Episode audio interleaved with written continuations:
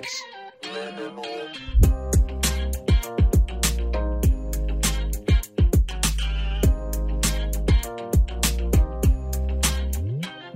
Merhaba, UX Minimal Podcast'in yeni bölümüne hoş geldiniz. Bu bölümde Google'da UX Designer olarak çalışan e, Mustafa konuğumuz.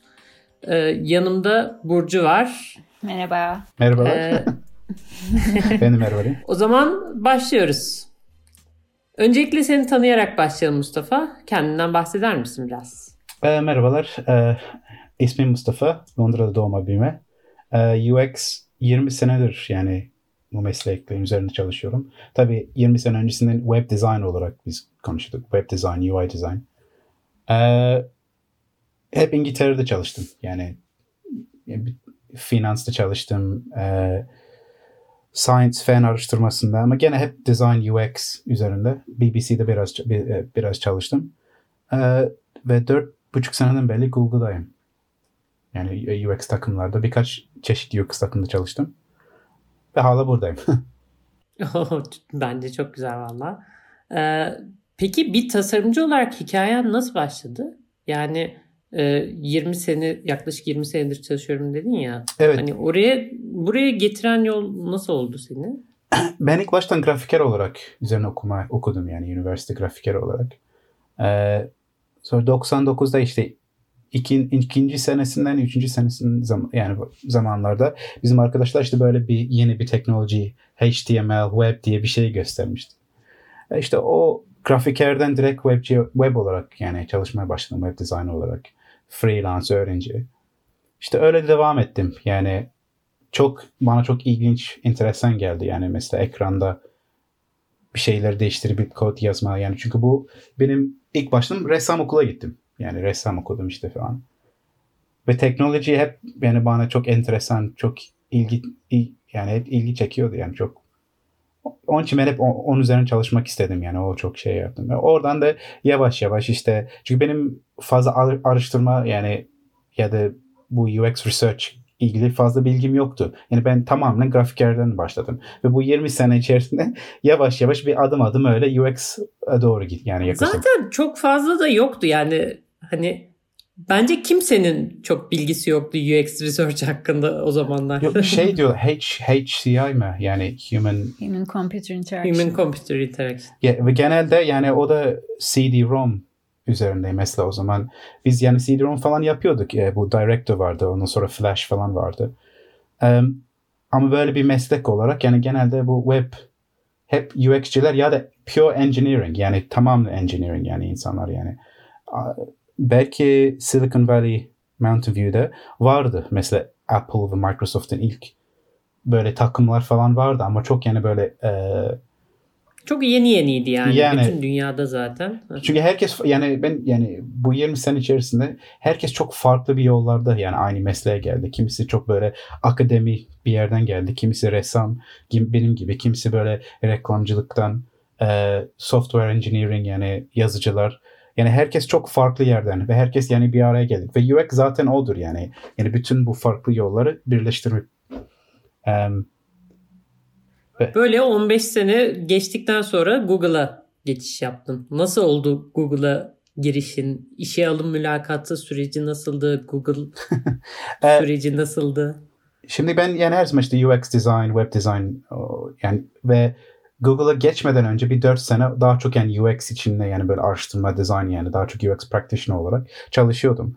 Em, ama ayrıca sunum veriyordum konferanslara gidip yani blogum vardı. Belki bir 3 kişi blogumu yani okuyordu ama yani ben e, community'de çok aktiftim yani çok şeyler yap yani böyle meetup'lar çok gidiyordum Londra'da. Ondan sonra bir dergi vardı. Şey e, yok. Evet bir dergi vardı. Net Magazine diye. Yani web design üzerine bir dergi İngiltere'de. Hatta dünyada her yerine yayınlanıyordu. Özellikle İngiltere'de. Ee, ve onlara bir e-mail atmıştım. Onlar bu flat design bir trend vardı yani birkaç sene öncesinde. Ben flat design'den nefret ediyordum yani açıkçası.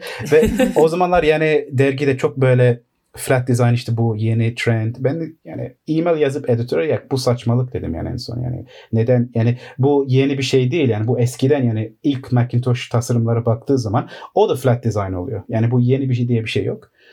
Editör de dedi tamam o zaman yani bu çok güzel bir yani düşüncen. Bizi artık alıyorlar mısın? Yani bu e-mailin artık onu yaz onu yazdım yolladım. İşte ondan sonra bir tane konferans onu gördü. Dedi bu article sunumunu verir misin konuşma olarak? Okey yaptım. Ondan sonra o devam etti. İşte konuşmalar, sunumlar yani aynı flat design işte typography, responsive typography işte bu çeşit şeyleri yani sunumları verme, article'lara yazmaya başladım. Google'da beni öyle buldu. Yani e, sen bunu... Onlar sana ulaştı yani. Aynen. Yani onlar bizim art, benim article'ları okuyordu. Yani İngiltere'de özellikle yani bunu yapan fazla kişi yoktu. Yani yapanlar çok ünlüydü de independent kalmak istiyorlardı. Um, ve diğerler yani kendini ispatlamamış diye ben kendimi çok ispatlamış gibi gördüler. Yani e, başvuru yapar mısın dediler. Ben de tamam dedim yani ondan sonra interview prosesi getirip design advocate olarak başladım. Design advocate. Orada işte sunum, material design üzerinde çalıştım. E, material design for web özellikle. E, oradan da işte developer learning, çok yani e, article işte Google için yazdım. işte video show'umuz vardı Designer vs. Developer YouTube'da podcast işte. Bayağı şeyler yaptık yani bu. E, evet YouTube'daki videoların zaten ben seni hiç seni öğrenmem aslında oradan oldu. YouTube'daki videolardan oldu. Evet. E, ondan sonra işte İstanbul'daki arkadaşlar bizi beni davet etti. işte orada Design Sprint üzerinde yani bir sunum verdim. E, maalesef İngilizce olarak verdim ve kaç kişi beni anladı mı yani e, 900 kişi toplanmıştı işte bu DevFest diye yani yılın sonunda Türkiye'nin her yerine yani dünya, aslında dünyanın her yerine işte konferanslar oluyor teknoloji üzerinde. Um, birkaç kişi böyle uyuyakalmıştı gibi gördüm yani. Çünkü yani şimdi İngilizce konuşuyorum da ben İngilizce bayağı hızlı bir şekilde konuştuğum için yani ve İngiliz aksanı biraz e, harfleri yutuyoruz diye. Ama o da yani çok enteresan diye mesela İstanbul'da özellikle bu startup e, kültürü baya yani ilerledi yani ben bu kadar şey yani bu e, 2016'da yani o zaman en son gittiğimde çok güzel yani yani yani Türkiye'de ben o kadar ilerlediğini bilmiyordum. Yani Android Java üzerine biliyordum da yani programcılar ama Evet şimdi daha daha ileri olduğunu düşünüyorum açıkçası ben yani. Evet. Özellikle yani biz Ankara'dayız. Ankara'da böyle hani eksik kalır yanı yok bence İstanbul'dan. Hatta belki bazı noktalarda daha da ileri bu konularda. Evet yok yani benim çok ilginç çeken yani mesela e, konferansta yani Türk Türkiye'de öğrenciler bana sorup yani biz yap başarabiliriz biz biz Türkiye'den gelip başar yani başaralım ki aslında iki tane örnek var. Zeppelin var. O Türkiye'den başladı ve şu an bayağı kullanan bir program ve yemek sepeti yani ben hatırlıyorum yani 10 sene öncesinde biz arkadaşlarla İstanbul'da oturuyorduk. Yani yemek yer misin diye. İşte nereye gideceğiz? Yok o bize getirecek. Ve bin çeşit şey vardı. Ben de şok oldum ya. Nasıl böyle bir şey var mı? Hem McDonald's hem de başka yerde. Evet ya bu bizim için normal. 10 sene sonra bu teknoloji İngiltere'ye geliyor. Yani düşün yani Türkiye o kadar o konuda yani iler yani ilerideydi. Ee, ve yani var yani gerçekten var. Maalesef um, Türkiye'de yani bir tasarımcı başarılı olunca her, hem, hemen Türkiye'den kaçıyorlar. Yani ben onu da fark ettim yani e, maalesef ama gene var yani yani Google'da çok Türk çalışan var. Mesela Android üzerinde çok var uzmanları. Bizim marketing director yani Gonca Türk. Yani bütün Avrupa, Afrika ve Orta Doğu yani genel marketing director. Ee, yani var yani bayağı çok başarıları var yani. yani zaten engineering konusunda ben gerçekten inanıyorum. Yani Türk Türkiye'de üniversite okullar çok harika yani. Ve İngiltere'de matematik dersler çok yani matematik kültürü İngiltere'de çok berbat yani. Yani Türkiye'de özellikle engineering yani bu matematik konusunda harika yani bu yani bu kültür olarak. Ee, işte ve son zamanlarda işte UX de ilerlediğini görüyorum yani çünkü. Um, aynı şekilde Google'da yani Google bir engineering company olduğu için ilk baştan engineering ee, ama bu Evet aslında bu da benim aslında sonraki soruma gelmiş olduk bir bakıma. Yani Google için eskiden hep mühendislik şirketi derlerdi. Mesela Apple için daha tasarımcı şirketi evet. mesela gibi. Ya da IBM için mühendislik şirketi gibi. Ee, daha sonradan özellikle material design'la birlikte hani Google'ın dışarıdan böyle bir değişime uğradığını gördük biz. En azından kendi adıma bunu söyleyebilirim.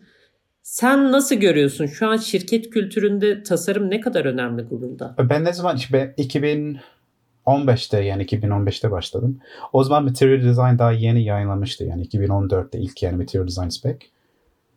Ama onun için yani ilk kültürü yani te, kendim görmedim. Yani arkadaşlar anlattıklarına göre zaten Android'in ilk versiyonu yani versiyonlara baktığı zaman belli oluyor yani UX olarak yani sadece design olarak yani ne kadar farklı um, ilerledi.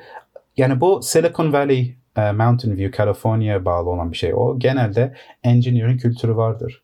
Bu da üniversitelere bağlı. Yani işte bu e, Stanford University ve IBM, Microsoft hepsi burada başladı. Yani programcılık kültür California çok yani şey Apple biraz farklıydı.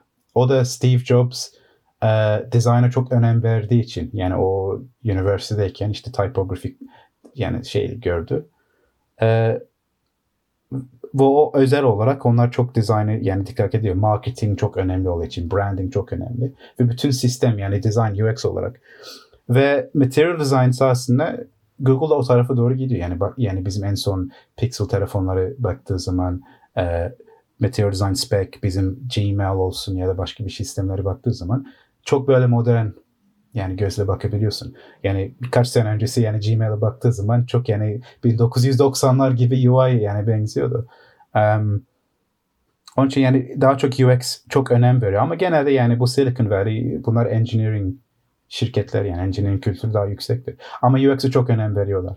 Mesela benim takımda tek UX'ci olarak yani design olarak ben varım ve herkes yani bir şey e, başlamadan önce benim yani fikrimi istiyorlar yani. Yani ben research yapıp ya da başka bir şey activity yapınca direkt bana geliyorlar. Çünkü anlıyorlar yani UX düşünmesen yani ileride çok yani zorluk yaşayabilirsin. Biraz aslında o takımın örgütlenmesinden bahsedebilir misin? Senin rolünle ne yapıyorsunuz? Şimdi ben e, ilk başta işte design advocate olarak geldim. İşte design yani Google'ın UX'in şey tanıtımı, material design. Ondan sonra oradan developer relations takıma geçtim. O da genelde developer learning yani e, developers.google.com üzerine ve lead bendim. Ondan sonra Google.dev yeni bir sitemiz var işte. E, yani ne bileyim yeni Android API'ler öğrenmek için işte o sistemleri biz ben yapıyordum. Sonradan işte Chrome'a geçtim. Ve Chrome takımdayım şu an. Yani UX design. Benim özelliklerim progressive web apps ve install. Yani web app'ları yani telefonlara ya da desktoplara nasıl yüklenebilirsin? Yani takımlar şu an yani buradayım. Hı hı. Mesela Chrome ekibindeki görev dağılımı nasıl, roller nasıl Şimdi yani şu şekilde yani Google olarak genel anlatayım ondan sonra Chrome'a geçeyim. Tamam. Uh, Google'da UX birkaç çeşidi vardır. Yani UX ladder yani. Uh, interaction design ben yani, yani genel UX'ci. Uh, ondan sonra visual design var UX'in altında. O da eski grafiker, uh, resim, illustrator gibi yani bir insan. Daha çok UI ilgili oluyor. ondan sonra e, UX Researcher var, UXA. Yani daha çok araştırma üzerinde. Sonra UXE, UX Engineer. Yani bunlar da hepsi aynı birleşip yani bir takım yani oluyor. Yani yani UX bir aile olarak yani Google'da. E, Chrome aynı şekilde. Genelde her takımın bir UX designer olur, interaction designer. E, ayrıca yani çok küçük yani Google e, Chrome'da yani belki bir 45 tane UX'ciler var. O UX'ciler karışım yani ha pardon UX writer da var yani yazmak yani yazılar uh, UX writer Türkçesi ne oluyor? UX yazıcı mı oluyor tam? Yazarı. UX yazarı var. Um, ve 45-50 kişi var yani ama bu karışık. Genelde interaction designer. Uh, UX yazarı birkaç tane var. UX researcher, araştırıcılar yani birkaç yani 5 kişi falan var. Ama genelde işte Chrome'un yani bir sürü e, grupları var. Mesela iOS'in bir takımı var. Sadece iOS ilgili Chrome'un şeyi. Benim benim branchım işte installability, install yani böyle bu progressive web apps nasıl yüklenebiliyor, bu bütün flow. Ve UX design olarak tek ben varım. Araştırmacım yok ama bazı, çünkü bizim takım bayağı küçük yani o Chrome'un Chrome'un dünyasına baktığı zaman. Ee, biraz daha büyük takımlarda özellikle researcher de olabilir. Mesela ben e, Chrome researcher'lar birlikte çalışıp yani bir ne bileyim bir activity yapabilirim. Bir survey olur yani bir interview'ler Ee, ama genelde bu benden yani o kaynaklanıyor. Çünkü bizim takım küçük oluyor. Ee, ama büyüklerde birkaç tane interaction design olabilir.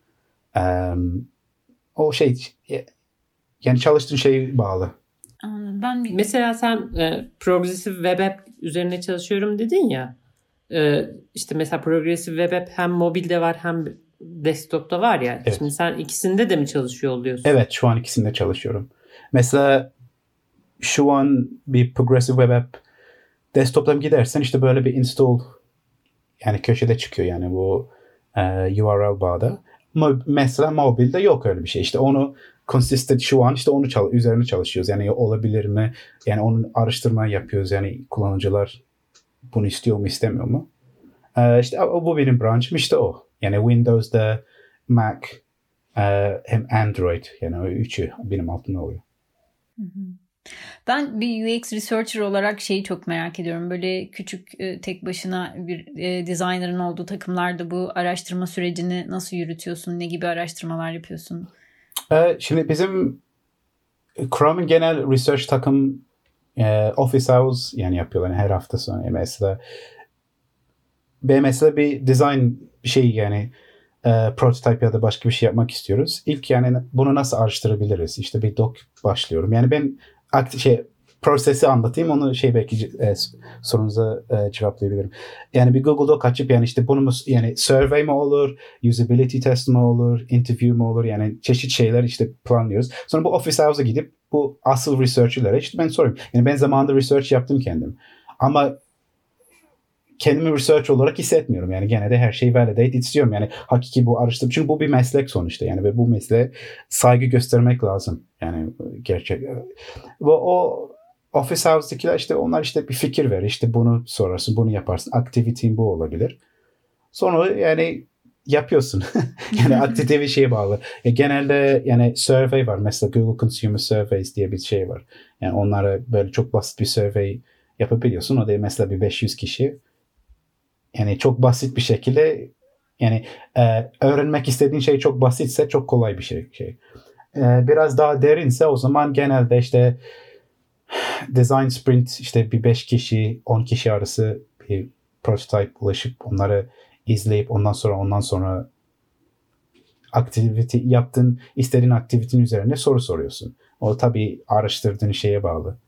Um, ondan hariç yani şey ama yani araştırdığın şeye bağlı yani çok farklı oluyor yani tabii metodo hangi metodoloji kullanacaksın. Ben çok böyle um, ağır metodoloji olan research yapmadığım için benim şeyim genelde basit yani UX olarak yani bir app yapıyorsun yani bu insanlar bulmak istediğin şey bulabiliyor mu? Kullanılabiliyor mu? Kullanıcılar ya nasıl yani karşılaşıyor? Benim şeylerim genelde çok basit o şekilde.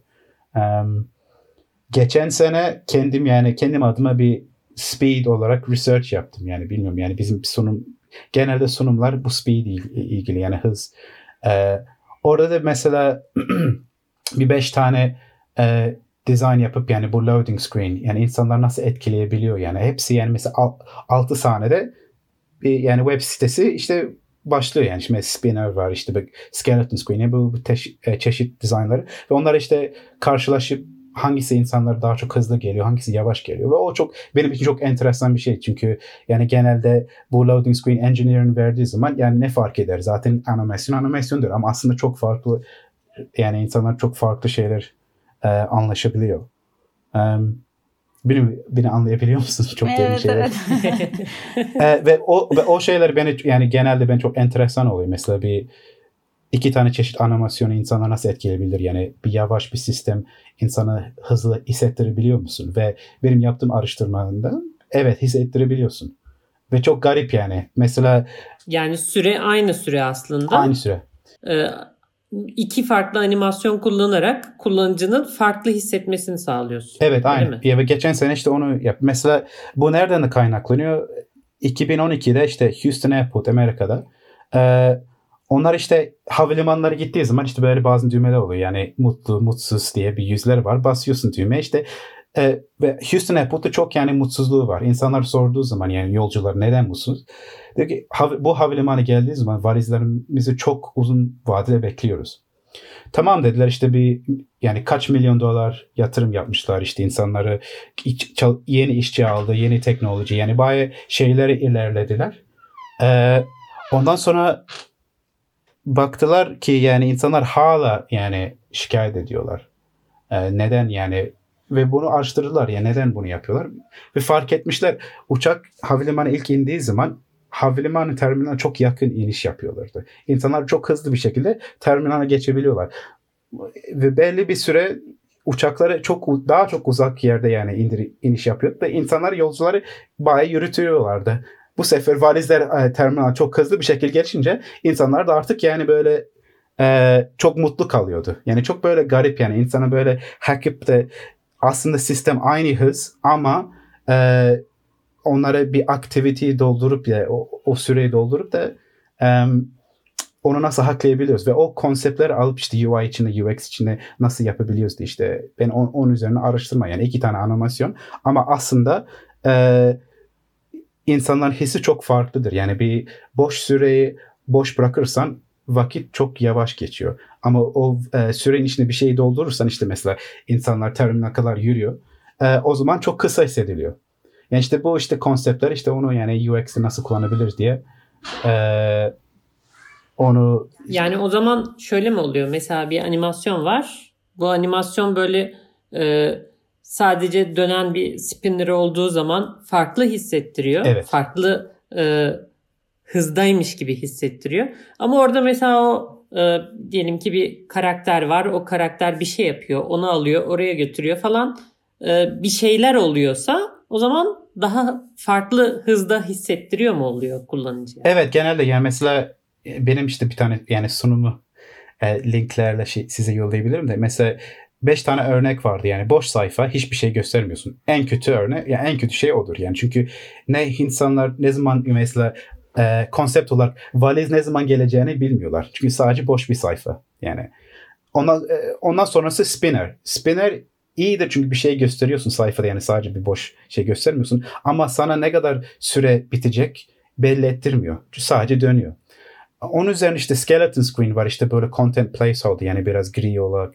Ee, o biraz daha iyidir ama genelde engineering na, engineering nasıl implementation'ı baktığı zaman aynı spin konsept yani konsept olarak spinner gibi yani sadece animasyonu görüyorsun görüyorsun sonra bütün sayfayı görüyorsun. Yani bizim araştırmada ne kadar e, insanları biraz e, bilgi verebilirsen o daha iyi. Yani animasyon işte yavaş başlayacak ondan sonra hızlanırsa biraz daha çok hızlı hissedilebiliyor.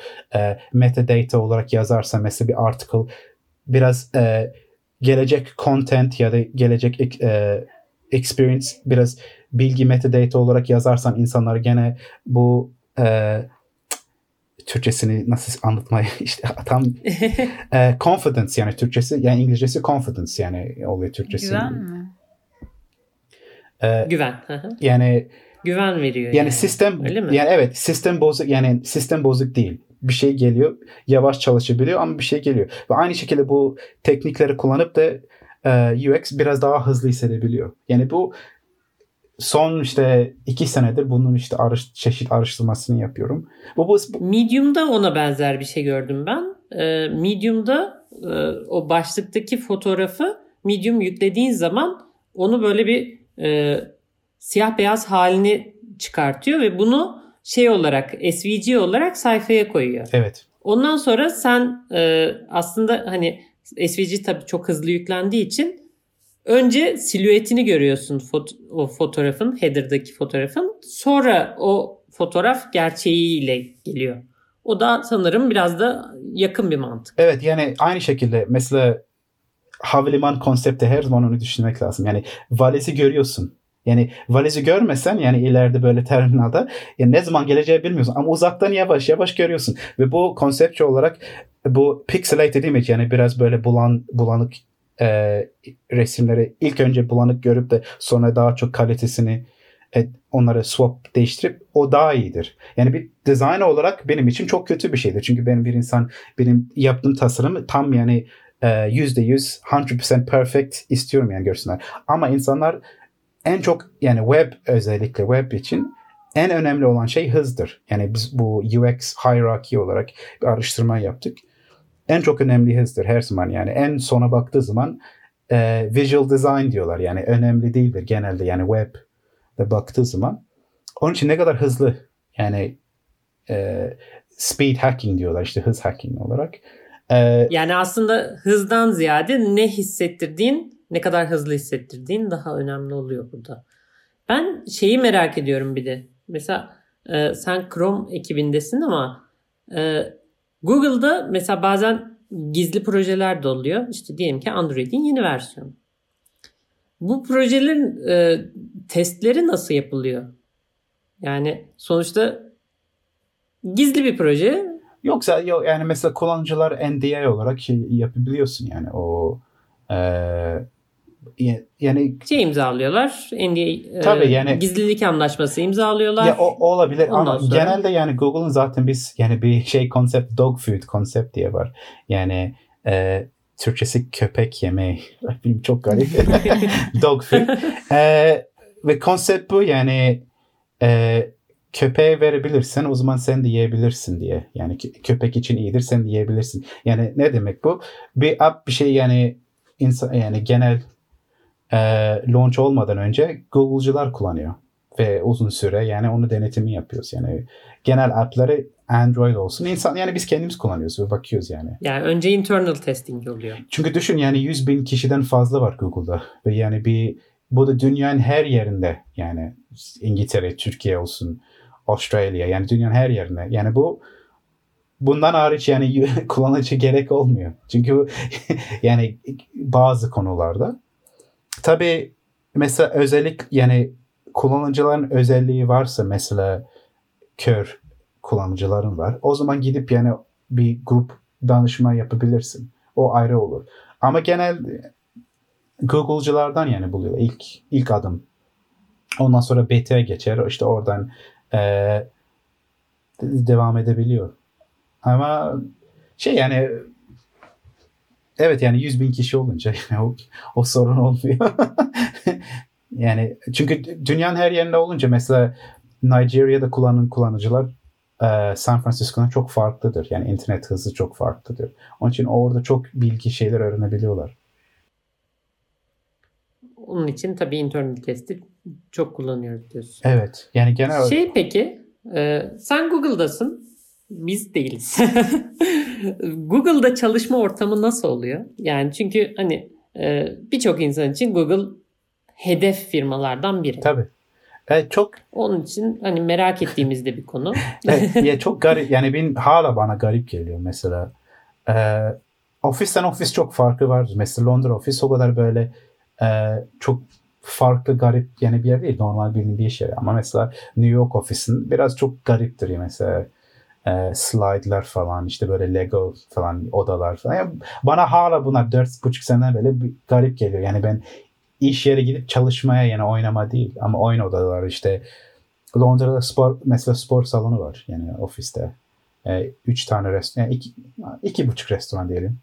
E, oyun odalar falan işte bilardo masalar vardır. E, iyi yani çok o, o konular çok harika bir şey yani. E, ve her ülkenin Google Office'in farklı kültürleri vardır. Mesela İstanbul'da.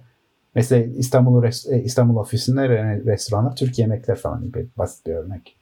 Ee, çalıştığın saatler de çok farklı oluyor. Mesela Avustralya'daki arkadaşlar çok erken başlayıp erken bitiriyorlar. Çünkü saatler Mountain View, California yani bir şey e, görüşmeler falan olunca. Bizim genelde Londra'da biraz geç başlayıp geç vakitleri ama takımdan takım değişebiliyor.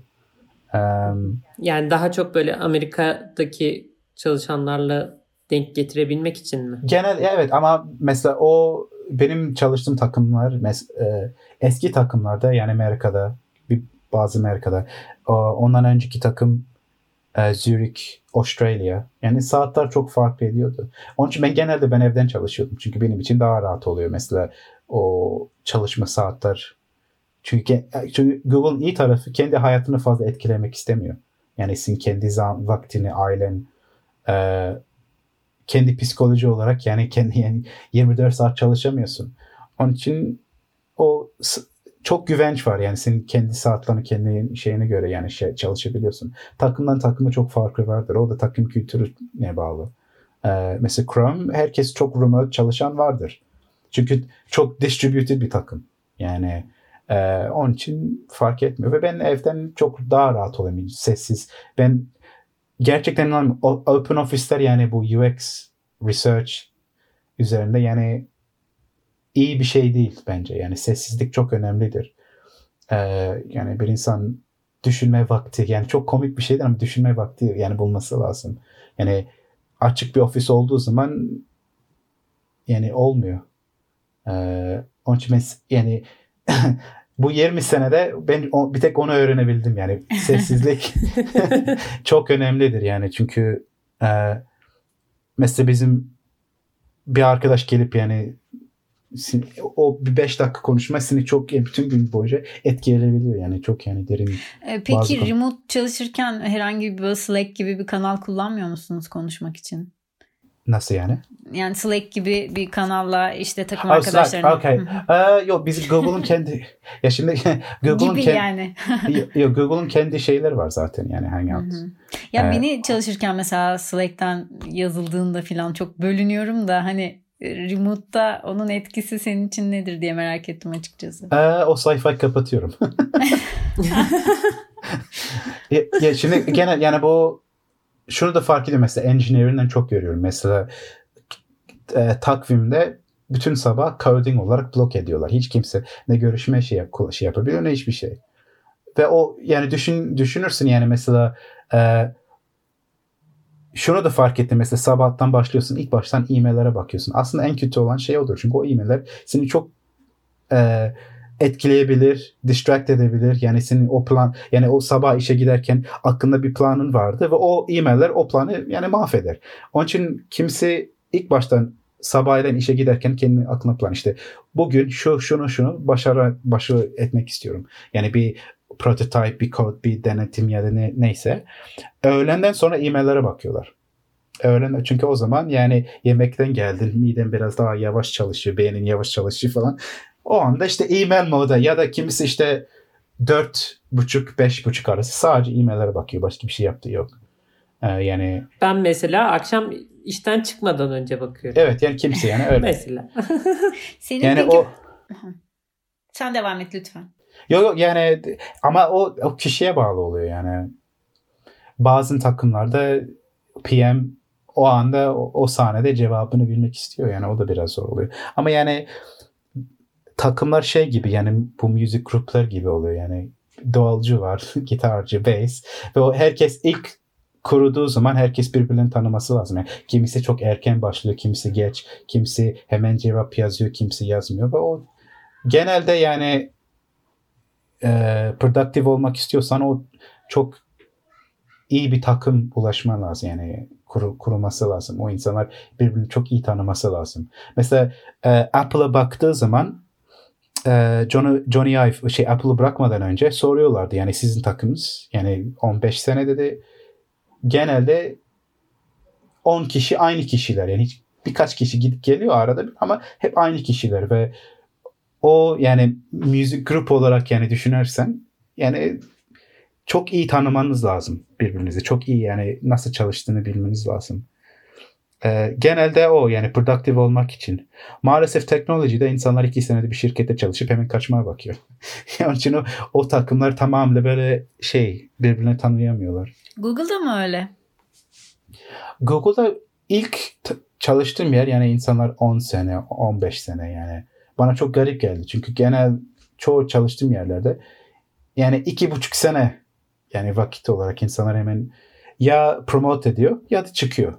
Yani genelde öyle oluyor. Ama Google'da yani 10 sene, 20 sene çalışanlar yani tanıdım yani. Var yani. Az değil. Sadece Silicon Valley'de çok atlayıp yani 4 sene çalışıp başka şirkete geçip em, o da Silicon Valley'de çok şirket olduğu için zannedersem yani çok farklı. Em, Alternatif de çok fazla Evet. zaten. yani, Yani tamam Google çok güzel bir şirket ama Google'ın rakibi de çok güzel. Yani orada baktığın zaman alternatiflerin de güzel zaten. Yok zaten ve ve her hafta yeni bir alternatif yani başlanıyor yani startup olarak. Onun için ülkeden ülkeye de farkı vardır. O tabii de kişiye bağlı. Mesela benim bazı tanıdığım arkadaşlar dünya gezmek istiyor. Yani hedefi o yani. Ve gidip Google mesela Google Londra'da çalışabilirsin. Birkaç sene sonra gidip Google Zurich, Google Australia, Google Türkiye, Google Dubai yani o Google'ın içerisinde onu yapabiliyorsun. Kimse de yok farklı şirketlere görüp de dünya o şekilde gezmek istiyorlar. Ee, genelde Türkler bunu çok yapmak seviyorlar. Hadi ya. ee, e, ama yani o kişiye bağlı oluyor. Peki şimdi Google'da bir UX designer'ın ortalama bir günü nasıl geçiyor diye sorsak sana nasıl cevap verirsin? Ee, o, o şey takıma bağlı oluyor. Yani sabah kalkıp e-maillere bakıp iki saat öyle geçiyor. ee, o, ya da mesela ben genelde yani bir dok hazırlıyorum yani o, o gün hedefim ne ya da öyle planlıyorum yani. Benim için yani bir şey bitmişi ya da bir şey yani başarması çok önemlidir. Çünkü e-mailde kendini kaybetmek çok kolay bir şeydir. Yani bir havuzda olmak için yani Google'da çok e-mail falan var. Um, ve yaptığım mesela şu an çok araştırma içindeyim yani çok planlı yapıyorum yani birkaç tane design edip onları survey'de işte onları resultları topluyorum şu an yani benim yaptığım e, o genelde işte o resultları toplayıp result Türkçesini bilmiyorum. Ee, Sonuçlar mı? Sonuçları mı? Okey. tamam. sonuçları toplayıp yok yani dinleyicilerimiz için yani sonuçları toplayıp e, onu Google Slides olarak summary yani onu basit özet oluşturuyor. Evet yani çünkü engineering'in present yani sunum vereceğim yani işte biz bunu araştırdık ama çok derin anlatmıyorsun çünkü insanlar çok sıkıcı gelir. Yani Hı hı. Tabii. bunu işte yaptık sonuçları budur işte recommendation bu. Yani ondan sonra işte bizim directler karar veriyor onun şeyine göre. Şu an benim bu son kaç gün işte bu, buradayım. Ondan sonra işte Figma çok kullanıyorum bu aralar. Yani Sketch çok kullanıyordum. Figma biraz daha çok e, enteresan oluyor yani bu o design işte onun içerisinde. Ne açıdan bunu merak ederler çünkü bence. Figma paylaşma konusunda mesela onu direkt e, comment edebiliyorsun yani yaptığın tasarım dizaynı. Diğer tool'lara bak. Çalışmak Evet. için. Evet yani diğer tool'lara baktığı zaman yani bir 3-4 tane tool lazım. Yani bir prototype yapmak için yani Sketch, e, Envision, bazen Principle kullanıyordum. Çünkü Principle'ın animasyonu çok harikadır. Ama onu paylaşamıyorsun collaboration için. Sadece yani app olarak ama Principle harika bir şey. Figma da bu bütün özellikleri bir araya getirmiş gibi geliyor. Em, bazen işte After Effects kullanıyorum. Yani böyle çok özel bir animasyon varsa yani o tool'lar sadece belli bir yere kadar getirebiliyor. Ee, ama genelde Figma çok daha rahat gibi görünüyor. Ee, Yani o zaman şirketçe böyle dayatılan bir tool gibi bir durum yok. Herkes kendi istediği tool'u mu kullanıyor? Nasıl oluyor? evet mesela Google e, diğer çalıştığım yerlere kasladığı zaman bir şirkete başladığı zaman der ki işte Axio kullanacaksın ya da Illustrator, Photoshop. O belli oluyor. Yani laptopu veriyorlar. Sen bu tool'lar kullanacaksın. Google tam tersi. Kredi kartı veriyor. Hangi tool kullanmak istiyorsan buyur diyor. Ee, Güzelmiş. çünkü onların istediği bu. Yani seni productive olmasını istiyorlar. Tabii bazen takımların kültürü vardır. Mesela Chrome, Sketch hem Figma kullanıyorlar. Bazılar sadece Sketch. Ama genel olarak ben gördüğüm kadar çoğu UX'ciler Figma üzerinde çalışıyorlar. Çünkü collaboration için çok önemlidir. Yani çünkü biz engineer'lerle çok yakın çalışıyoruz. Ve e, her şey bir yerde olduğu zaman daha çok önemli oluyor. Çünkü onun üzerine e, herkes remote çalışınca zaman çok farklı oluyor. Mesela birisi Google Doc'ta bir comment yazdı, birisi başka bir tool da kullan. Çok zor yani onları bir araya toplamak çok zor oluyor ve çok vakit kaybedebiliyorsun. Figma'nın özelliği işte bu. Yani her şey bir araya em, toplamak ve communicate. Mesela biz de e, şirkette Figma kullanıyoruz şimdi. E, ama ben Figma'nın şu özelliğine henüz e, düzgün bir çözüm bulamadım. E, versiyonlama yok bildiğim kadarıyla Figma'da. Ve işte mesela e, bir şeyin master'a geçmesi gibi bir durum e, göremiyorum mesela. O biraz sıkıntı oluyor benim gözümde. Hani bir değişiklik oldu mu oluyor. Yani onun Ee, üzerinde konuşup onu onaylayıp onun yani ben şimdi geliştiriciyim. Ben developer'ım. Onun için de hani benim kafamdaki mantık hep git GitHub mantığı. Yani git mantığı işte bir PR açarsın. Bu PR üzerinde review olur. Değişiklikler istersin. O değişiklikleri şey yaparsın. Ondan sonra da her şey tamamsa master'a merge dersin. Figma'da böyle bir mantık yok. Bu da beni böyle bir eksik şey yapıyor. Yani onun için alışamadım mesela ben Figma'ya. O zaman bir yeni bir sayfa açıp copy paste yapıp senin versiyonu olur. Değil mi?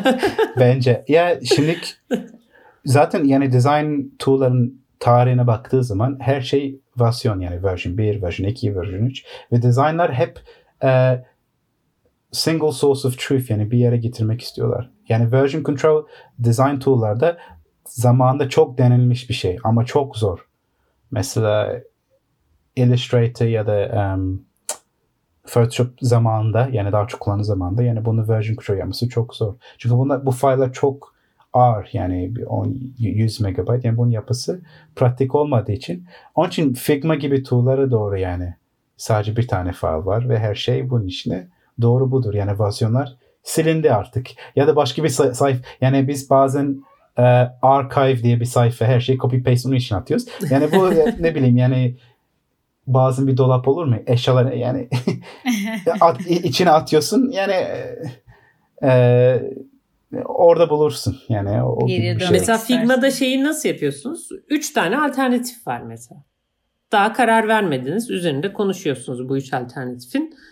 Ee, birine karar verince diğerlerini siliyor musunuz? Yok genelde archive'a mı atıyorsunuz? Yok, genelde archive'da koyuluyor yani mesela ve zaten sadece Figma'da kalmaz bizim zaten. Yani genelde bir presentation deck açıp e, orada işte örnekleri yani yan yana koyuyoruz. Ondan sonra orada bazen işte konuşuluyor yani işte prezentasyon yapınca işte sunum verirken işte hangi e, dizayna doğru e, yapmak istiyoruz yani şeye ulaşmak istiyoruz. E, ama yani zaten karar verdikten sonra bu ikinci, üçüncü archive kullanması gerek olmuyor. Yani ne bileyim yani insanın portfolyo için belki ister ama bir screenshot, screen grab yaptıktan sonra başka bir önemi yok yani. Hmm. Ee, ben bir de şeyi çok merak ettim şimdi hani e, alternatifleri gösteriyorsunuz ve sanırım orada bir karar mekanizması işliyor. Daha önceki daha önce de şey söylemiştin. Director'lara sunuyoruz demiştin. Tabii. Bu mesela bir tasarım yapıyorsunuz işte ilgili araştırmayı da yapıyorsunuz. Artık bir karar vereceksiniz. O karar verme e, şeye sürecine kimler dahil oluyor? Yani en son kimin onayını almanız gerekiyor? Ya bizim director'lar mesela on mesela engineering director'lar olur yani UX director'lar. Çünkü mesela benim install dünyasındayım. Yani sadece bir Chrome'un bir kısmında çalışıyorum. Ama onlar e, bütün Chrome'un çalıştığı şeyleri görebildiği için bazen bizim recommend edip e, UX flow ya da yeni bir design pattern'lar bütün diğer Chrome şeylere e, çalışamıyor. Ya da mesela birinci recommendation ama ikinci recommendation daha çok e, daha rahat yani her şey bağlantı olabilir. Çünkü bu sonuçta bir design sistem oluyor. E, onun için bu üstteki olan herkes gör yani bu director her şey görebiliyorlar. Çok yani derin bir şekilde değil ama böyle summary olarak yani üstten görebildiği için onlardan yani işte onlar görüp de e, kararı verebiliyor. Yani bir recommendation mesela araştırmayı bunu yaptık. Şu tasarım, bu design işte e, olması lazım. Onlar kararını veriyor. Ve yani siz bir öneride bulunuyorsunuz bu sonuçları yani çalışmalarınıza göre bir sunum yapıyorsunuz, bir özet bir sunum yapıyorsunuz. Onlar da bir son karara bağlayıp hani diyorlar ki bu yolda ilerleyin. Evet yani bazen işte tartışılabiliyor işte neden yani sebep. Ee, ve bazen oluyor bazen de olmuyor. O da genelde çok net oluyor yani sebebi mesela şu an başka bir takım başka bir sistem şey yani design pattern kullanıyor. Ve collaboration olarak onu yani gene şey çözüm bulabiliyorsun. Mesela farz ki yeni bir design pattern çıkartmak istiyor. Mesela kullanıcılar mesaj, Chrome'da mesaj gelecek. Ve onu baktığı zaman başka bir takım, başka bir UI sistem aynı şekil yani aynı şey aslında sistem olarak. Ama onunki diğer Chrome sisteme daha çok yakın oluyor, daha çok bağlı oluyor. Senin recommend edip e, uymuyor genel kurama. Ondan sonra konuşup işte bunların kullandığı sistem aynı şekilde kullanırsan daha yani anlaşılıyor musun? Yani bilmiyorum. Anladım. evet. Çünkü yani Google UX için çok önemli olan şey işte e, e, design spec yani aynı olması için. Yani Android'in şey tarihine ve Google'un e, tasarım tarihi baktığı zaman çok inconsistent UI pattern'lar vardır. E, ve bu çünkü genel yüksekten bakıp direktörler olmadığı için e, böyle şey sorunlar çıkabilir. Her ekip kendi açısından işte bir şeyleri belki herkes kendi tekerlerini baştan icat ediyordu. Evet. Değil mi? Yani, Yani. e, her ekip kendisi bazı problemleri çözmeye çalışıyordu ve hepsi belki farklı şekilde çözdü. Ondan sonra siz şimdi bunu daha böyle hani e, merkezcel, merkezsel yapmaya çalışıyorsunuz Aynen, değil mi? Yani Böyle. yani biraz daha çok böyle sistem olarak. Yani bir UX'çi için bazen rahat oluyor çünkü bazı sorular hemen böyle cevaplanmış olabilir. Yani onu kullanabiliyorsun. Çünkü senin önemli. Yani kullanıcıların hayatını biraz daha çok rahatlamak için. Ee, bazını biraz e, zor oluyor çünkü sen kendi yaptığın, kendi böyle e, kalbine bir dizayn yapıp yani uzun zamanlar çalışıp ondan sonra hayır bu uymuyor diye şey var. Ama bu zaten UX'cinin hayatı yani grafiker grafiker olmak istiyorsan grafiker olabilir ve senin çizdin, senin çizdin olur. Ama bir sistemde çalışmak istiyorsan o sistemi uygulaman bazı konuları yapman lazım. Yani o sistem Yani bazen rahatlatıyor bazen kısıtlayıcı oluyor gibi. Evet yani s- ner sistemi nasıl değiştirirsin? Çünkü o sistemin yaptığı şey sizin kullanıcıların eksikleri tamamlamıyor. Yani e, kullanıcıların biraz zorlaştırıyor. Mesela Material Design ilk çıktığı zaman bu bottom navigation Material Design'da yoktu. Yani bu bottom navigation biliyorsunuz yani. Ee, biz daha çok bu hamburger menu, side navigation daha çok şey yapıyorduk. Ama bizim bir tane da- design director vardı Luke uh, Wroblewski yani Mobile First bayağı yani ünlü. O da örnekleri yapmıştık. O zaman Google Plus'ın örnekleri verdi işte bak e, bottom navigation e, kullandığı zaman kullanıcılar için daha çok rahattır, daha çok hızlı, daha çok yani engagement yükseltebiliyorsun. Ondan sonra material design alıp işte bottom navigation, material design'ı o zaman işte kullanmaya başladılar yani onun spec yani. Design sistemin e, kullanıcılara yardım etmediği an o zaman değiştirebiliyorsun. Ama kendi kafana göre hadi değiştirelim dersen o zaman artık sistem değil bir çorba oluyor. Yani bir menemen gibi bir şey mi? Ee, çünkü yani Google için ya bütün şirketler için branding çok önemli yani Ee, ve insanlar kullanıcılar bazı şey alıştığı zaman onu değiştirirsen onu çok böyle negatif bir experience e, olabiliyor ve onları çok etkileyebiliyor. Mesela Google'a baş, yani başlamadan önce biz e, fen şirkette çalışıyordum işte bu fen araştırmalar işte programlar e, tasarımı yapıyorduk ve mesela biz Mac aplikasyon Windows'da yani yapıyorduk ve ama Mac UI yani her şey Mac ve kullanıcılar nefret ediyordu. Niye? Çünkü onlar Windows UX'e alıştılar. Mesela eskiden iTunes e, Windows'da Pure Mac mesela sayf Evet. sayfayı kapattı. Mac'in birebir kopyasıydı. Aynen. Ve insanlar nefret ediyor. Niye? Çünkü onların mesela sadece sayfayı ya da pencere kapatmak istediği zaman yani Mac'te bir tarafta, Windows'da bir tarafta yani tam tersi. Ve bu küçük şeyler çok büyük etkileyebilir yani. Çünkü insanlar böyle sinir edip is- yapmak ist sadece bir şarkı çalmak istiyor. O kadar. Yani çok basit. Ama yani sayfayı kapatamıyor. Pencere kapatamıyor. Yani bu sin- Ama Google hala yapıyor sanki bunu ya. Mesela iOS uygulamalarına baktığın zaman Google'ın baya yani e, bazen bu şey mesela Android uygulamaları gibi. bazı şeyler yani bir ortalama bulmaya çalışıyor. Çünkü şimdi böyle bir şey var. Yani e, terazi gibi. Senin branding var ve UI guidelines var. Yani hangisine doğru yapmaya çalışıyorsun. E, ve bu çok zor. Yani senin çok böyle um, ağır bir design guidelines, material design gibi bir şey varsa iOS'te nasıl yapacaksın? Yani ve bazen çok iyi yapabiliyorsun, bazen tamamen herkesi mutlu ede- e- edemezsin. Yani bu, bu gerçektir. Ama ortalama bulmaya çalışıyorsun. Ufak farklar, ufak dokunuşlarla vesaire. Yani en basit mesela örneği aklıma gelen şeydir. Ee, iOS uygulamalarında mesela bir listede düzenleme yapmak istediğinde swipe yapıyorsun. İşte sola sola kaydırıyorsun ve işte orada menüler çıkıyor. İşte düzenle, sil vesaire. Ama e, bu işte pattern diyeyim e, Android'de pek olmuyor. Android'de genelde uzun basılı tutuyorsun ve yukarıda menüler çıkıyor. Yok Android'de swipe biliyorsun. Yani o var yani pattern. Öyle mi? Evet. ya zaten yani bütün sistemlere baktığı zaman hepsi hemen hemen bir, yani bir yere geliyorlar yani. Yani eskiden 20 sene baktığı zaman Windows ve Macintosh gerçekten çok farklıydılar. Şimdi her şey yani bir araya geliyorlar. Çünkü insanlar sadece bir tane sistem kullanmıyorlar eskisi gibi. Ee, ayrıca yani dünya baktığı zaman çoğu yeni kullanıcılar zaten desktop, laptop da kullanmıyorlar. Direkt telefondan kullanıyorlar. Ee, ve enteresan olan şey mesela Hindistan'a baktığı zaman e, onların telefon kültürü yani birkaç kişi aynı telefonu kullanıyorlar.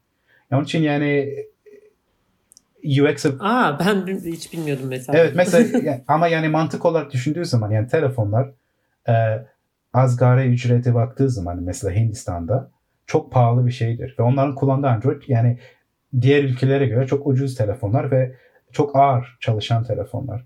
Ve mesela bir Hindistan'da bir köyde çalışan ne bileyim ağırda çalışan bir insan yani bütün onun tanıdıklar köydedir. Yani onun telefon olması yani diğer insanlar o kadar şart olmuyor. Onun için yani bir ailenin bir telefon olması normaldir. Çünkü gerçekten çok pahalıdır.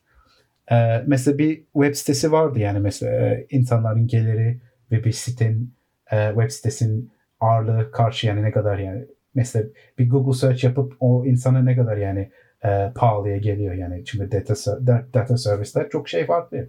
Yani, ve o çok enteresan. Um, yani dünyaya baktığı zaman kullanıcılar çok farklı bir şekilde kullanıyor. Mesela sadece be, e, birkaç sene öncesi yani web satış, web pay, Google Pay olarak üzerinde çalışıyordum.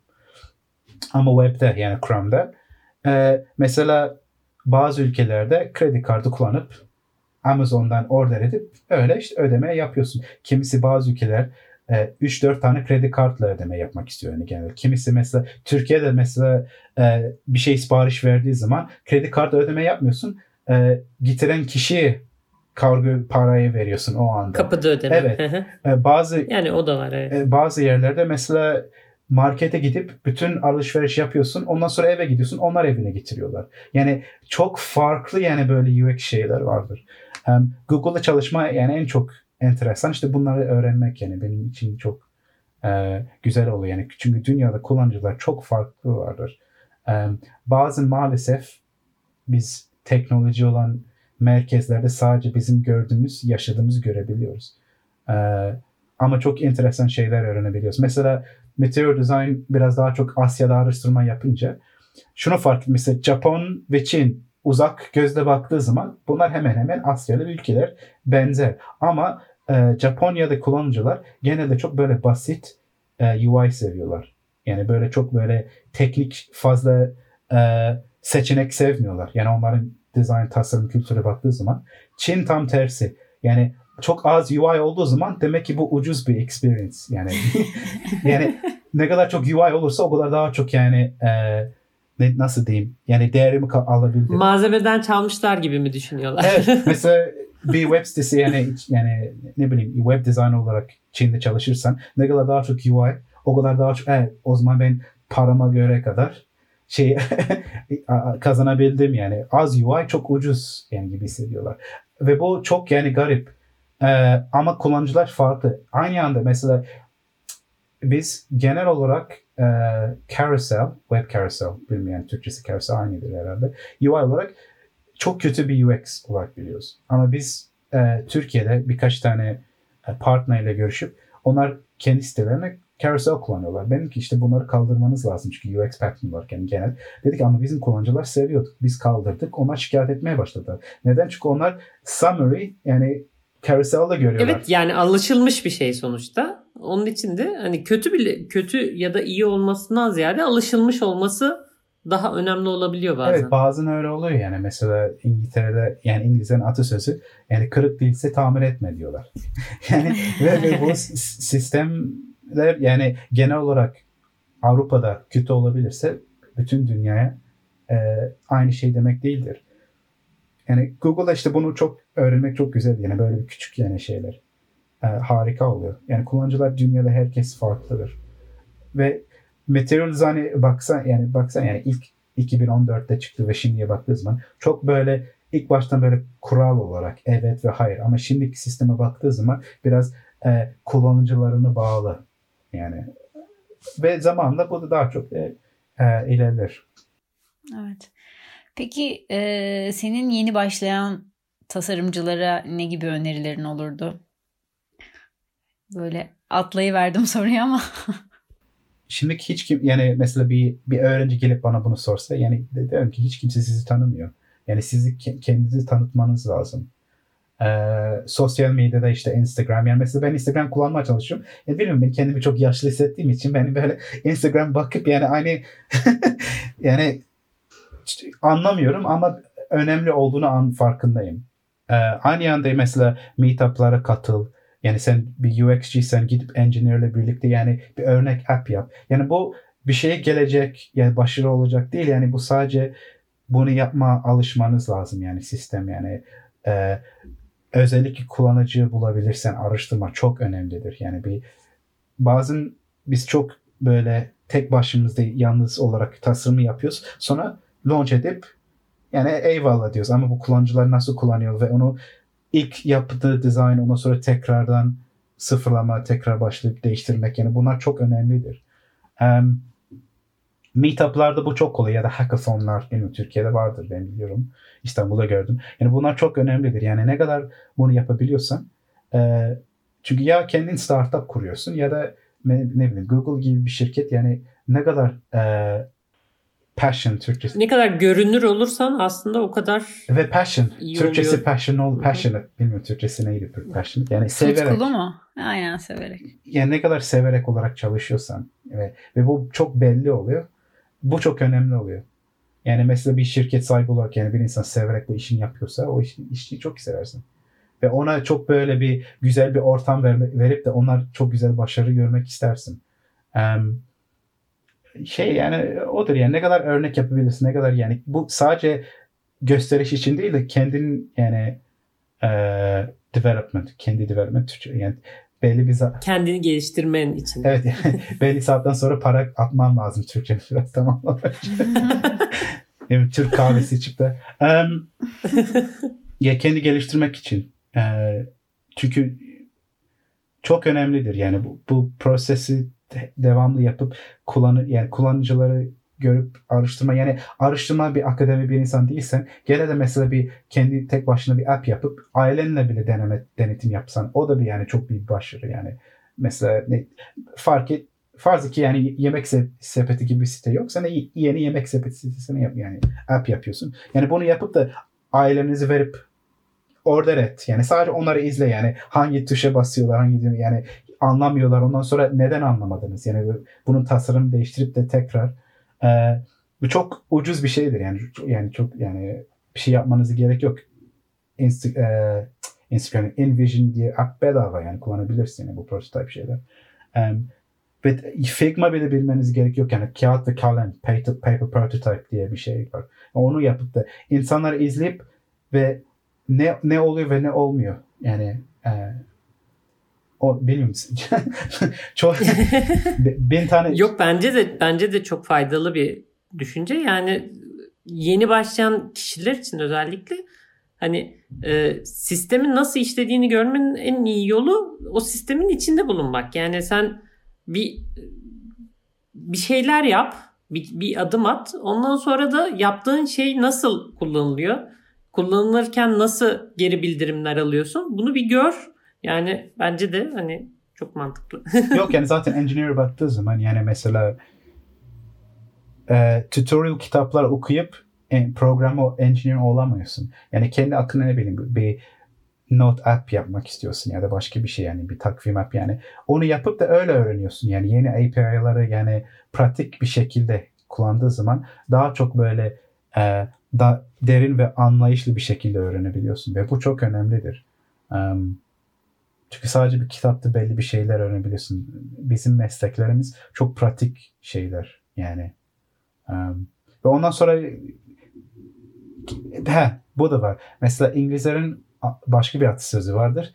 Ee, öğrenmek için e, okay, uh, the best way to learn is to teach. Öğrenmek için öğretmek. Öğretmen lazım. En, iyi- en iyi yol öğretmektir. Evet, yani çünkü yani bir şey öğrenirken başkasını anlatmaya çalıştığı zaman onu gerçekten derin bir, bir şekilde bilmen lazım. Yani ge- gerçekten şey kendi anlaşman lazım. Ve o kişi sana soru sormaya başlayınca çok derin düşünüp de o, o şey yani cevabı. Onun için mesela bir yeni başlayınca bir app app yapın, bir şey başlayın. Onun article'ını yazmaya çalışın. Başkasını verip de onlar sana böyle e, kritik versin yani anlaşılabiliyor mu? Ondan sonra tekrardan yani bu çok güzel bir mesela Medium kullanabilirsin article yazmak. E, sadece vakit yani. Zor olan o zaman. evet. Ama ne kadar zaman verirsen o kadar daha çok şey yaparsın. Mesela ben öğrenciyken vakıflarda çalışıyordum. Bir şey yani çok uzun zamandır asgari ücrete alıyordum. Yani çok yani ucuzdan çalışıp şey mesleğe yakalanana kadar yani bilgi yakalanana kadar. Şimdi 20 sene sonra çok uzun bir 20 sene sonra eee, işte Google'da çalışabiliyoruz. Yani bazı bazı insanlar eee, çok hızlı bir şekilde başarabiliyorlar. Bazı insanlar çok zaman alıyor. O da yani ne bileyim kısmet eee, ya da başka Evet. Herkes kendi e, timeline'ında yani kendi zaman e, çizgisinde ilerliyor. yani tabii yani şimdi için de hani bu da opportunity'ye şey bağlı. yani lazım. opportunity Türkçesini de bilmiyorum. Opportunity. Fırsat. Fır- evet fırsat bu da insanların fırsatlarına göre. Mesela ve ve aynı anda sen kendi fırsatına ulaşman lazım. Ee, mesela bu blog edip GitHub'da senin şeyin olursa ya da meetup'lara gidersen sen kendi fırsatlarını artıyorsun. Çünkü insanlar seni tanımaya başlıyor ve senin şirketine davet edebiliyor ya da beraber bir startup kurabilirsin. Bu önemli olan fırsatlarını yükseltmek ve bunu yükseltmek için kendini tanıtman lazım. Yani tekrar sıfırlama yani baştan şey söyleyeyim. Peki böyle gayet iyi başladı mesela. Ondan sonra da kendini böyle geliştirmeye çalıştı. Sonra da dedi ki işte gözünü Google'a dikti ve dedi ki ben Google'da çalışmak istiyorum. Ne, yapması yapmalı lazım? Google'da çalışmak insan Google'da çalışmak isteyen insanlar? Ee, Google'da çalışmak için yani ilk baştan başarı yapıyorsun. Ee, zaten bizim iş sitemiz var yani öğrenciler özellikle yani Google Job Site Students ar- şey aradığı zaman yani bütün e, bilgileri orada bulabilirsin. Özellikle stajyer olarak e, ben çok tavsiye ediyorum yani ona başvuru yapıp da. Çünkü stajyer sonradan Google e, kalıcı olarak geçebiliyorsun. Çünkü seni tanıyorlar. Yani ve senin yaptığını ispatlayabildin. Em, ve Türkiye'den çok stajyer geldi yani ben çok fark ediyorum yani. Ee, özellikle engineering. Ve dediğim gibi yani sen ne kadar örnek yani olabilirsin yani ve kendin marketin yani bir kendi siten olsun ya da kendi bir yerde mesela bir insan senin bilgileri bulmak istiyorsa ne kadar rahat bir şekilde bu yani şey yapabiliyorsan. Ee, çünkü onların kendini onların yerinde yani recruiterlerin yerine koyman lazım yani. Belki 200 kişi var. Senin özelliğin ne? Ve ne kadar rahat kolay bir şekilde yani senin kendi özelliğini nasıl tanıtabiliyorsun? Engineering konusunda bizim zaten algoritm kitabımız var. Yani onu okuyup da çünkü e, interviewlerde kesinlikle yani bu program algoritm soruları olacak. Yani onu ne kadar çalıştırabilirsin. Bizim bazı arkadaşlar yani mesela bir sene çalıştırdılar bu kitabı. Yani başvuru yapmadan önce. Ee, Cracking the Coding Interview. ya öyle çeşitli kitap var. Hem de zaten YouTube'dan izleyebiliyorsun yani bunlar vardır. Ama ben yani başarıları olarak yani gerçekten dediğim gibi yani Türk Türkiye'nin e, akademik kültürü, matematik kültürü çok harikadır. Yani ben bununla hiç e, şüphem yok bu konularda. Yani onun için e, yetenek var. Sadece işte kendini tanıtman lazım. E, ve yani ve olmasa bile tekrardan başvuru yapabilirsin. Yani bazı interviewler böyle bir şey ki karşındaki insan ısınamadıysa orada bir sorun çıkabiliyor. Bu her şirkette olabiliyor yani. Yani bu genel olarak benziyor. Onun için yani o anda belki ısınamadın. Mesela ben başka Silicon Valley şirketlere de başvurdum. Ve hayır dediler senin tecrüben yok. Şirketin ismini vermem ama bayağı büyük şirket. Ve bana ben çok yani söyleyen kişi sanki daha yeni tıraş yani daha başlamıştı. Ve bana deyip de senin tecrüben yok. Bana çok komik geldi. Tamam dedim sorun değil yani. ve bunu da şey yani bilmek lazım. Yani şirket kabul etmese işte benim bütün hayatım mahvoldu. Benim hiçbir şey. Yani onu düşün. Tamam olmadıysa olmadı. Devam et yani. Yani dünyada bin çeşit şirket var. Ve bin çeşit fırsat da var. Onun için hiç e, üzülmeyin. Yani ben öyle diyeyim. Hiç kendi yani moral şey bozmayın. Yani bir kere olmasa ikinci kere olur. Yani dediğim gibi ben 20 seneden beri bunu yapıyorum. Daha yani onun için ben hiç yani umutsuz kalmayın. Ben sadece onu demeyeyim. Özellikle öğrenciler için çünkü ilk rejection olduğu zaman bu yani sanki bütün dünya mahvolmuş gibi yani yani ilk sevgilisi ayrılmış gibi yani hayatım mahvoldu bir daha yani aşk bir daha bilmeyeceğim gibi bir şekilde yani değil yani bu hayatın şey alışacak ve e, öğrenecek bir şeydir. Onun için Evet başarıya giden hani bir grafik vardır ya başarıya giden yol dümdüz değil diye böyle hani dümdüz bir yol değil de e, inişli çıkışlı böyle. Evet aynen öyle ve benim şeyim için... LinkedIn'den beni bulursan zaten yani belli olur benim böyle e, kayıp atış gibi yine bir yüksek bir indi yani. Bu, bu, bu da hayat yani fırsat o anda yani herkesin hayatı çok şey farklı şeyleri yaşayabildiği için e, yani ama dediğim gibi yani kendin ne kadar hazırlıklı yaparsan daha iyidir yani. Yani hadi ben başvuru yapayım hiç şey yapmadan şansın biraz zor olur. Yani onun için ben ne kadar çalışırsan yani mesela üniversitesin yani farzı gibi öğrenci ve iki sene sonra üniversite bitiyorsun. Bugünden başla yani. Hedefin bir şirket şey varsa bugünden başla yani. Hiç hiçbir şey seni durdurtmuyor o konuda yani. Meetup'lara devam et yani bir kodlama. Sadece buradan. Niye? Çünkü bir yere başladığı zaman kaç seneden beri bir şeyin üzerine çalışıyorsun. Senin örneğin varsa GitHub'da yani her yani 5 seneden beri bir şey yüklüyorsun. Bu senin için çok güzel bir şeydir yani örnek olarak. Um, onun için yani şimdilik başta yarını bırakma. Yani bütün başarılı olan insanlar yani bütün kariyer baktığı zaman böyledir. Hiçbir şey sonra bırakmıyorlar. O zaman e, sana bir şey sormak isteyenler, danışmak isteyenler sana nasıl ulaşabilirler? E, Twitter'dan e, Mustafa underscore X ya da Instagram'dan fazla kullanmıyorum. Yani arada bir sunum falan mustafa.ux e, ya da LinkedIn'den. Yani arkadaşlarım soru varsa ben her zaman yani herkese cevaplamaya çalışabiliyorum. E, Türkçe yazım biraz kötü. Zaten aksandan belli oluyor. Yani Türkçem de bayağı kötü. Yok ya gayet iyi anlıyoruz. Bence gayet iyiydi. um, ama insanlar yani sor yani Twitter'dan bazen sorabiliyorlar arkadaşlar var yani.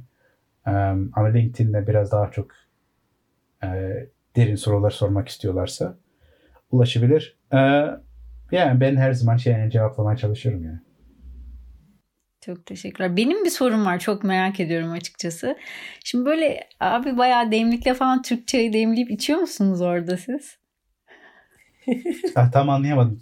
Türk çayı mı demliyoruz mu? Evet tamam. evet. Dem Türk çayı içiyor musunuz orada? İngiltere'de mi yoksa Google'da mı? Yok. Senin için soruyorum. Evet, tabii ki yani yani Londra'da özellikle yani Türk kültürü bayağı burada şey var mesela yani 1 milyon falan Türkiye o e, şey e, Türkçe konuşan insanlar vardır yani. E, Peki senin olarak. seçimin hangisi? İngiliz çayı mı, Türk çayı mı? Ortama bağlı. Benim Menemen için fark etmez. Yani çay deyince aklına ince belli bardak mı geliyor yoksa böyle sütlü e, beş mi geliyor yani? Kon, konuştum dile bağlı. Mesela biz Türkiye'deyken Türkçe konuşurken işte demli şey demli çay. Yani, yani fark etmiyor ortama bağlı. Çünkü mesela bizim e, yurt dışında yaşayan Türkler genelde iki tane kültürün ortasından yani doğup büyüyorlar. Yani evde bir ırksın, dışarıda bir başka bir ırksın. Onun için yani bizim fluid yani böyle hemen değişebiliyor yani yani böyle set diye bir şey yok. Süt varsa dök yoksa demle. Ee, yani bizim böyle fix bir şey yok ve insan olarak biz de böyle oluyoruz yani fix diye bir şey yok yani. Ee, ne güzel, güzel. Çok teşekkür ediyoruz Mustafa. şey ee, kapanış yapmadan önce eklemek istediğim bir şey var mı? Ee, bilmiyorum siz link e, podcast'ı beraber yani şey e, kullan şey yapabiliyorsanız o zaman ben size bir sürü link yani konuş tamam. yani podcast'ı konuştuğumuz şeylerle ilgili. Hı hı. Bunları şeye e, podcast'in notlar bölümüne ekleyelim. Evet, yani- Böylelikle arkadaşlar da ulaşabilsinler. Tabii yani YouTube yani videolar, sunumlar işte benim yaptığım. Medium'da bayağı araştırma üzerine UX ilgili artiküllerim var. Yani biraz daha çok bu hız ve speed bilmek isteyenler yani oradan şey yapabilirler. Ve dediğim gibi LinkedIn'den birisi yani böyle bir çok acilen bir soru varsa LinkedIn'de beni ekleyebilir yani Mustafa Kurtuldu. Ee, zaten Mustafa Kurtul Google yazdığı zaman ben hemen çıkıyorum çünkü fazla Kurtuldu yok Google'da. Çok teşekkür ediyoruz. Şey- Ee, bu podcast'imizi dinleyen e, dinleyicimle dinleyicilerimize de bizi dinlediğiniz için teşekkür ederiz. Ee, podcast'imize konuk olmak için paylaştığımız formu doldurabilirsiniz. Slack, Slack kanalımızı takip etmeyi unutmayın.